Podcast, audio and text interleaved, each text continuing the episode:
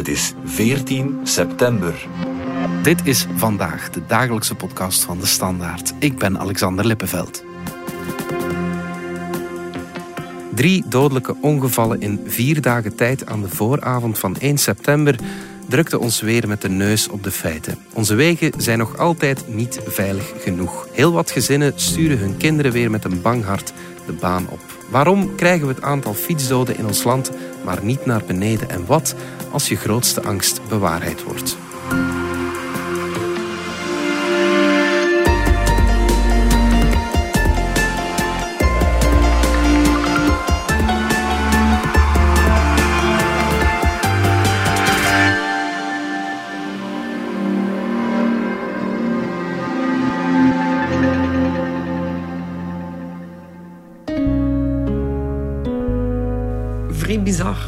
vriendin belt naar mij. Ik denk 20 na 11. Katty zijn al uw kinderen op school. Dit is Cathy de Weewijre, moeder van vier kinderen uit Destelbergen. En ik zei, "Goh, ik denk ik dat wel. Ik heb geen telefoon gehad van school. Want normaal gezien, als je kind niet op school is, bellen ze. Dus ik dacht van, ik was eigenlijk vrij gerust van, ja, ja, die zijn op school. Want ik heb geen telefoon gehad. Maar ik zeg, weet wat, ik zal een keer naar school bellen voor te luisteren. Een van haar kinderen is Nikita, die elke dag met de fiets naar school gaat in Locristi. De moment dat ik met school aan het bellen ben, dan ze gingen kijken of dat Nikita er was, gaat de deur bel. Maar we hadden ook die moment een stofzuiger gekocht omdat hij kapot was. Maar dat is ook duur dat de postbode komt. Maar eh, ik hoor mijn man zeggen, het is de politie. Terwijl Nikita op een kruispunt rechtdoor rijdt, wordt ze gegrepen door een vrachtwagen die rechts afslaat. Het is 19 februari 2018. Nikita overlijdt ter plaatse. Ze is 16. Eigenlijk is het... Ze hebben vrij lang gewacht voor ons te verwitten. Want tien na tien is het gebeurd. En om half twaalf stonden ze maar aan de deur. Maar ik was al met school aan het bellen. Dus voor hetzelfde geld zei ze van... "Die Nikita is niet op school, maar allee, je gaat toch direct aan gaan kijken. Ja, als, als, als uw vriendin belt dat er een accident gebeurt dat er een tentje staat... en uw kind is niet op school... En Nikita was geen spijbelaar. Allee, dus het zou niet anders gekund hebben dan dat zij was.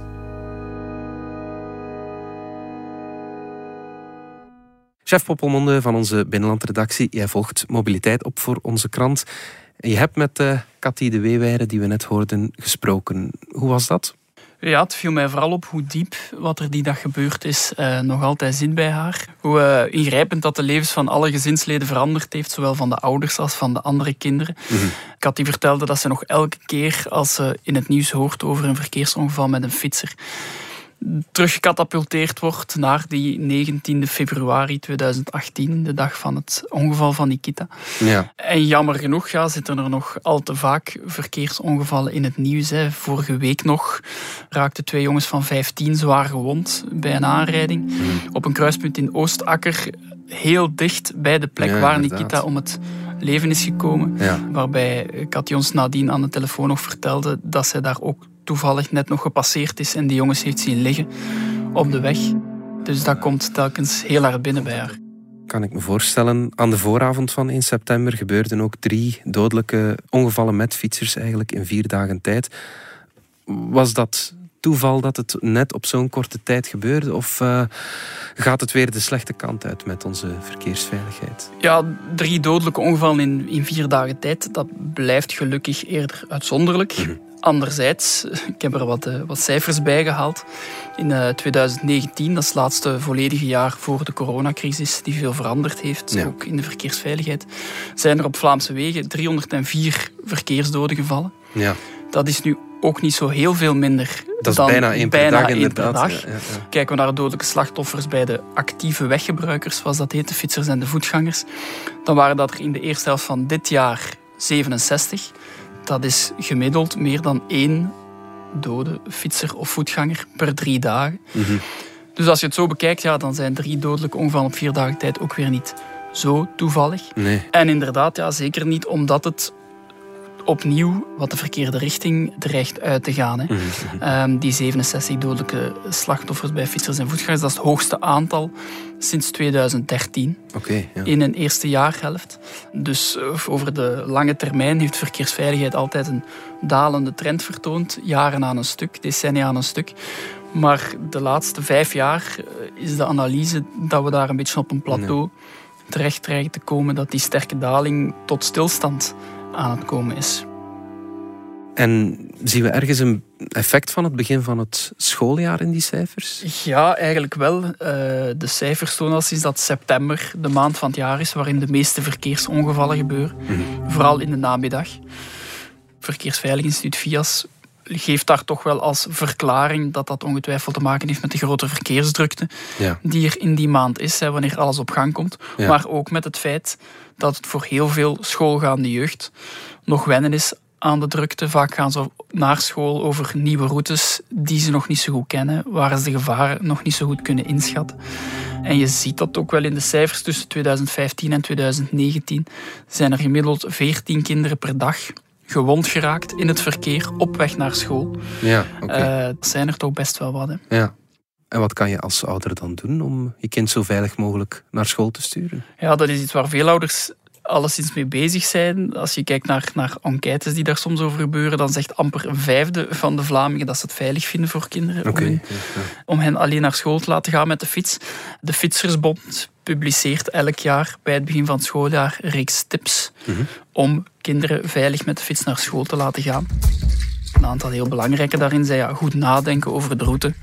Welke is de meest veilige route? Eh, Stuur ik mijn kind over dat moordstroken, zoals dat soms genoemd wordt, langs Ja. die steenweg? Of zoek ik een veiligere weg binnendoor? En ook op voorhand die routes al eens verkennen, oefenen met je kinderen. Schuift de Fietsersbond ook naar voren. Laat ze niet meteen. Ik denk dat er heel weinig ouders zijn die dat doen. Ja, hm. Maar toch zie dat je die route een paar keer ingeoefend hebt. En maak dan tijdens die ritten ook duidelijke afspraken met je kinderen. Aan elk kruispunt, aan elk verkeerslicht. Zeker als dat gevaarlijke plekken zijn. Mhm. Maak je kind duidelijk van hier stoppen, Kijken te allen en tijden, zien. Kijken. ja, ja. En ja, duidelijke afspraken. Okati oefende de weg samen met Nikita. Als Nikita in het zesde zat, hebben wij in de vakantie de baan ook gedaan. Zowel met de fiets als met een bus. Omdat als het gelijk sneeuwde of zo, ja, dan mochten ze niet met de fiets, dan gingen ze met een bus. Maar dat je toch traject toont. Wij zijn van hier, dus ja, Locristi, dat is voor ons ja, niet onbekend. Dus wij wisten langs binnen, dat is een sluipweg voor al wie, wie dat hier woont, om die drukke steenweg te vermijden. Dus zo hebben wij ook gezien van langs binnen is echt geen optie. De Antwerpse Steenweg, een erg drukke baan, leek Cathy een betere optie.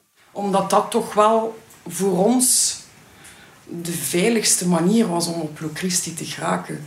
Omdat ze hadden een fietspad, verkeerslichten. Dus voor ons was de Antwerpse Steenweg... De, ja, mijn zoon is nu 22. Dus als Nikita verongelukt is, was hij 17. Ja, je deed dat al van zijn 14. Deed hij alle dagen die baan. Dus voor ons was dat de veiligste manier. Maar van op de Antwerpse hebben zij nooit iets gezegd. Want zij dacht, allee, mijn andere dochter dacht eigenlijk dat de oprit van de R4 was dat gebeurd was. Omdat dat wel een gevaarlijk punt was. Maar nooit gedacht dat aan het lichten ging gebeurd zijn. Want in principe, als iedereen kijkt, zou het niet kunnen of mogen gebeuren. Ik denk dat hij haar wel gezien heeft, maar dat hij gewoon een inschattingsfout gemaakt heeft. Dat hij dacht van, ik ga nog voor zijn. Wij wisten nooit dat dat een zwart kruispunt was. Wij zijn met dat maar te weten gekomen als Nikita verongelukt is. Ja, dat werd ook niet gezegd. Nu, vier jaar nadat Nikita is verongelukt, wordt de Antwerpse Steenweg eindelijk heraangelegd. Het kruispunt stond al sinds 2001, het geboortejaar van Nikita, op de zwarte lijst.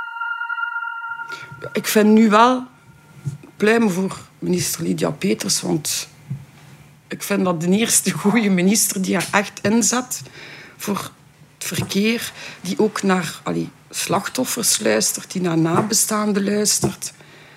Dus dat vind ik al een positief, maar ik denk dat er nog veel werk is. Ik heb niet zo goede ervaring met Ben Weitz, laat mij zo zeggen. Zijn uitspraak van er moet eerst iets gebeuren voordat we dat kruispunt gaan aanpakken. Dat vind ik al verkeerd. Bij Lydia Petrus is het van... Nee, je moet op voorhand aanpakken, voordat er iets gebeurt. Dat is de correcte ingesteldheid. Verkeersveiligheid was in België eigenlijk nooit belangrijk. Naar mijn mening. Waar waren al die andere ministers van verkeer? Ja, chef, Cathy de Weewijer haalt hier een oud zeer aan. Waarom moeten er nog altijd eerst doden vallen vooraleer er een zwart kruispunt wordt aangepakt? En hoeveel van die kruispunten zijn er eigenlijk nog? Dat is inderdaad een, een heel pijnlijke, cynische vaststelling. Hè? Dat er uh, vaak eerst doden moeten vallen voordat zo'n gevaarlijk kruispunt wordt aangepakt. Maar eigenlijk is dat zelfs een beetje officieel beleid van de overheid. In die zin dat het op basis van het aantal ongevallen en het aantal dodelijke slachtoffers is dat bepaald wordt in welke volgorde, met welke prioriteit een kruispunt heraangelegd wordt. Okay, ja. Dus dat betekent inderdaad dat als er doden vallen, een kruispunt plots meer aandacht zal krijgen. Ja. Dat is het systeem van die zwarte kruispunten, zoals die genoemd worden. Ja. En in 2002 is er een lijst van 800 zwarte kruispunten opgesteld. Ja. Die zijn nog altijd niet allemaal afgevinkt. Dat zal nu naar alle waarschijnlijkheid in 2024 pas gebeuren. Vandaag wordt er gewerkt met een lijst die voortdurend verandert, een dynamische lijst, waar op dit moment 313 van die locaties staan. Telkens als er afvallen, komen er weer nieuwe bij. Ja, ja, op basis van de ongevallen die daar, uh, die daar gebeuren. Dus dat duurt heel traag om die aan te pakken. Vaak gaat uh, zo'n zwart kruispunt structureel aanpakken. Dat gaat dan over het aanleggen van een tunnel ja. onder het kruispunt of een brug Ja. over de weg. En dat zijn projecten die jammer genoeg maar niet van het een op het andere jaar zelfs gerealiseerd zijn. Kijken we dan specifiek naar fietsinfrastructuur, dan is er de laatste jaren wel, wel veel aan het veranderen. Of er is alleszins veel in gang gezet. Deze legislatuur investeert de Vlaamse regering meer dan een miljard euro in die fietsinfrastructuur. Maar op het terrein duurt het heel lang voor je dat ziet. Dat heeft ook, het is geen excuus, maar met onze ruimtelijke ordening te maken. Vaak wordt de vergelijking met Nederland gemaakt, waar ze veel meer vrijliggende fietspaden hebben, ver weg van de auto's. Dat is hier in Vlaanderen moeilijker te realiseren door die lintbebouwing overal langs de wegen. Daar moet de overheid dan maar eh, Ja. andere wegen en oplossingen voor vinden. Hè. Cathy de Weewijer haalt aan dat, eh, dat het soms ook eenvoudiger kan. Hè. Ze moeten geen grote structurele kosten maken, maar gewoon de verkeerslichten aanpassen. Lijkt dan ze eigenlijk in Nederland hebben. Dan het rijdend verkeer niet met de voetgangers en de fietsen tegelijkertijd kunnen doorrijden. Allee, dat kost geen miljoenen, maar dat zijn wel simpele oplossingen om zo ongevallen te vermijden. Ja, die verkeerslichtenregelingen, dat is iets dat inderdaad, waar de overheid altijd zegt dat ze daar werk van maakt. En hier en daar zie je verkeerslichtregelingen veranderen. Die worden dan conflictvrij, zoals dat heet. Ja. Waarbij inderdaad fietsers en afslaande auto's niet tegelijkertijd groen hebben. Ja, ja, ja. Wat heel veel ongelukken kan voorkomen. Maar tegelijkertijd zie je ook heel veel van die kruispunten waar dat gewoon niet gebeurt. Terwijl inderdaad een verkeerslicht afstellen niet zo moeilijk is. Dat heeft dan niets met technische zaken te maken, maar dat is een kwestie van beleid. Uh, ik heb een paar jaar geleden de toenmalige topman van het agentschap Wegen en Verkeer nog geïnterviewd. En zijn boodschap die kwam erop neer. Hij zei dat eigenlijk letterlijk dat verkeersveiligheid altijd en overal prioriteit geven, dat dat geen goed idee is. Oké, ja. Omdat zij in hun beleid moeten zoeken naar een balans tussen veiligheid, maar ook, zoals hij zei, de vlotheid van het verkeer, de doorstroming, zoals dat dan heet. Als wij overal die kruispunten conflictvrij maken, dan loopt het systeem vast. Het is een heel en zij zoeken ja, naar dat evenwicht. Maar inderdaad, telkens als er dan op zo'n kruispunt een ongeval gebeurt, dan is dat natuurlijk een heel cynische vaststelling. Ja, gaat het ook niet om uh, de mentaliteit van de automobilist en de fietser? Uh... Kijk, normaal gezien, als je heel goede infrastructuur hebt, dan is die, zoals dat heet, vergevingsgezind. En Ja. dan kan die wel wat menselijke foutjes en verstrooidheden aan. Maar dat neemt niet weg dat we heel veel ook zelf in de hand hebben. Hè. Ik sprak een tijdje geleden met een politierechter in Brugge, Peter van Damme heet die. Die was heel scherp, die zei, en ik quote...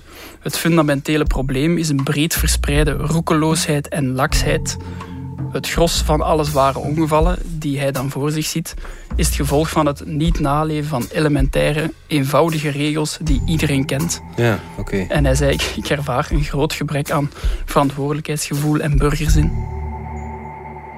Ook Cathy die ergert zich aan de mentaliteit in het verkeer. Allee, like hier nu ook, het is een fietsstraat. Ik blijf daarachter, dat moet. Maar dan zie je de fietsen die nu links inhalen. Of in de winter volwassen mensen met kleine kinderen die zonder licht rijden. Allee, Haaientanden is zowel voor fietsen, voorrang van rechts zowel voor fietsen. Die rijden allemaal door. Maar ook auto's die dicht op de fiets rijden. Of het geduld bij de mensen, dat is verschrikkelijk. De mentaliteit van de mensen. En ik snap niet, je zit in een auto, je zit droog. Waarom moet het dan? Ja, ik ben dan liever vijf minuten te laat of dat je iets tegenkomt. Ja, je bent op alles meer te laten. En vrachtwagens. En die mensen schrik van vrachtwagens. Normaal fietste Nikita altijd met haar broer en zus naar school. Op die noodlottige dag vertrok ze twee uur later en was ze alleen. Als morgens tien acht vertrokken ze alle drie samen naar school. Maar die maandag, dat was na de krokusvakantie, moest Nikita maar om half elf op school zijn. Ze had zo twee springuren. Dat was na de vakantie iedere week dat dat zo ging zijn. Maar de andere twee, ja, die waren gewoon tien acht vertrokken. Dus zij was alleen na die dag. Het kost slechter geweest zijn. Hè? Ze kosten er alle drie niet meer geweest zijn. En dat is bij Mila... we waren er beter bij geweest. Dan had hij ons misschien wel gezien. Ja, dat zijn vragen. Allee, ja, had ik ze nog maar wat langer thuis gehouden? Had ze wat trager gefietst? Had ze wat rapper gefietst? Allee, dat zijn dan wat als... Mila heeft vooral heel moeilijk met de leeftijd. Zij heeft Nikita voorbij gestoken. Nikita had altijd 16 zijn. Maar ja, haar verjaardag, dat bleef altijd... Ja, alle keren als er iets is. Ja, ze gaat zij weg. Maar er is iedere week wel een traantje dat vloeit. Want Justin Bieber, dat is... Pff, die hij nog altijd. Allee, zo echt liedjes van de begrafenis, dat je denkt van... Allee, dat is vijf jaar geleden. Ja, en als je dat hoort, ja... Dus ja, dat zijn nog moeilijke momenten.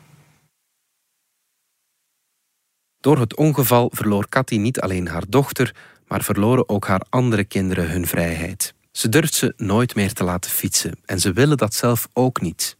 Ja, al vrijheid is afgenomen. Allee, ze mogen niet meer met de fiets, maar ze durven ook niet meer met de fiets.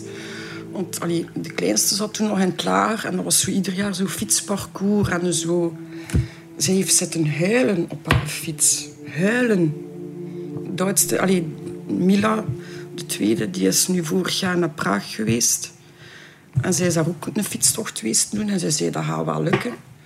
Dat kind is eraf gekomen en ze heeft gezegd ik stap nooit meer op een fiets. Maar een fiets, allee, voor, voor, jonge mensen, dat is ouder vrijheid. Allee, die gaan overal met de fiets naartoe, met vrienden. Maar ja, bij Older was dat niet meer zo. Maar ik ben al één kind verloren. Je hebt ook schuldgevoel. Want ik heb ze tenslotte wel met de fiets laten rijden. Ze zegt morgen, iets morgens als ze vertrekt tot vanavond, mama. En die vanavond komt er niet meer. Eén keer is meer dan genoeg. En dan ben ik maar zo'n ouder die haar kind afzet. Maar ik wil geen twee verliezen hebben op die manier. En ik ken ouders die twee kinderen verloren zijn in het verkeer. En dat wil ik niet meemaken. Eentje is genoeg. Vier jaar na het ongeval herinnert alles ten huize de Weeweide nog aan Nikita. Haar urne staat in de huiskamer. De muur hangt vol met foto's. En in de keuken staat een levensgroot bronzen beeld van Nikita, zoals ze was. Ja, zo was ze ook. Hè. De gsm in haar achterzak. De handtas. En haar afstudeerhoedje. Het is nooit afgestudeerd, maar ze heeft het wel gekregen van school. Kindjes die binnenkomen ook, die geven Nikita een high five. Ja, ja. Het beeld werd gemaakt door een kunstenares. Ik wou dat eigenlijk eerst niet, maar mijn man wou dat. Nu ben ik wel blij dat het hier staat. Maar in het begin had ik zoiets van... Ja, dat is nu van 2019. We zijn dat zodanig gewoon. Nu zou me dat niet meer kunnen voorstellen. Moest dat in één keer weg zijn. Dus ja, voor ons is ja, ze kijkt, want we zitten altijd in de keuken, dus ze kijkt ook altijd naar ons. Ja, je kunt dat niet meer wegdenken. In het begin was dat raar, maar nu... Ook op haar lichaam draagt Cathy haar dochter altijd bij zich. Op haar arm heeft ze een tattoo van het gezicht van Nikita. Op haar bovenrug staat een hartje met daarin haar vingerafdruk. En op haar arm staat een tekst. If you wait too long for the perfect moment, the perfect moment will pass you by. Dat was haar uh, luze. Ja, mijn man heeft een hele arm vol. Van een kindertekening tot een pakje sigaretten, een flesje tequila. Uh, zij was vrij van, van Justin Bieber, dus ze is een belieber. Um, een Adidas schoen, want zij was vrij fan van Adidas. Allee, eigenlijk een Hansen arm. Want de foto staat bij hem hier in het groot. En de vingerafdruk heeft hij op zijn hand. Ja. En dan hier. Ze wijst naar haar slaap. Rip Nikita. Dat vond ik in het begin heel hard. Maar hij zei dat was voor een buitenwereld. Op de plek van het ongeval staat ook een witte fiets ter herdenking van Nikita. Cathy gaat er nog regelmatig naar terug om bloemen te leggen, zoals op haar verjaardag. Voor ons is dat belangrijk. Waarom? Voor ons, ja, Nikita staat thuis. Maar voor ons is Nikita daar. Dus gelijk voor haar verjaardag. Allee, want sta je al dat grief staan nu hier. We hebben ook nieuwe bloemen gekocht voor om in de fiets te doen. Maar we willen daarmee wachten, omdat ja, het is zonde nu met die werken. Dat gaat direct vuil worden. Dus als de werken gedaan zijn, gaan we dat terug allemaal. Want ja, dat zijn beertjes die er lagen. Van kindjes. Dus dat moet allemaal terugkomen bij haar natuurlijk. En het is ook belangrijk dat die de fiets daar staat. Omdat ja, Nikita is nu wel gekend. Dan de mensen toch wel nadenken van wat dat er gebeurd is. En dat er achter iedere ghostbike iemand zit die nooit meer thuis komt. Je kunt ze niet zomaar uitwissen, dat zou ik ook niet willen. Dus Nikita is voor ons daar. Wij gaan niet naar een kerkhof, maar wij gaan naar daar.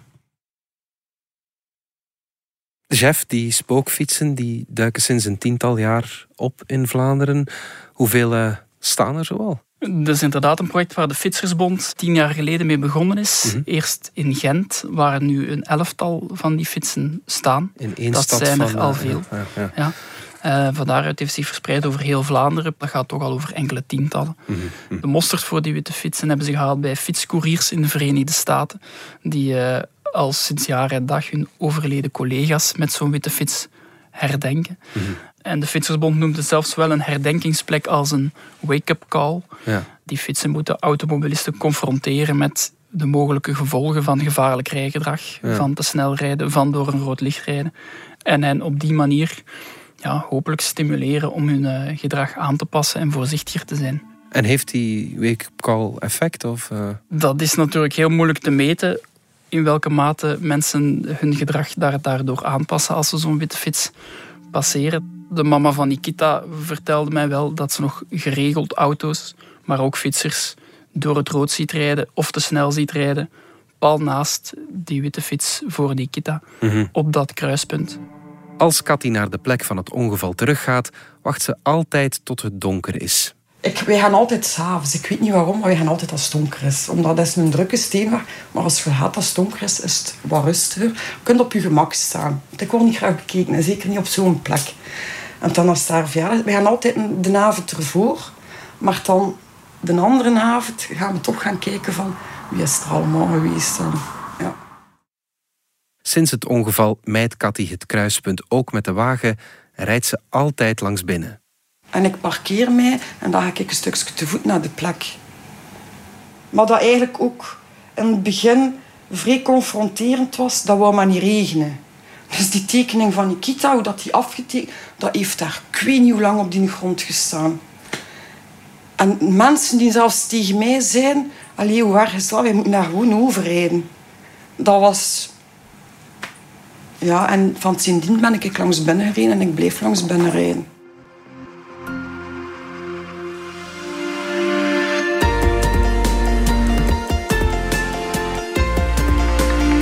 Dit was vandaag de dagelijkse podcast van De Standaard. Bedankt voor het luisteren. Volg ons op Spotify, Apple Podcast of eender welk ander podcastplatform. In onze gratis FDS podcast kan je niet alleen ons werk beluisteren, maar ook de beste podcasttips terugvinden met zorg geselecteerd door onze redacteur Max de Moor. Alle credits van de podcast die je net hoorde vind je op standaard.be-podcast. Reageren kan via podcast.standaard.be. Morgen zijn we opnieuw.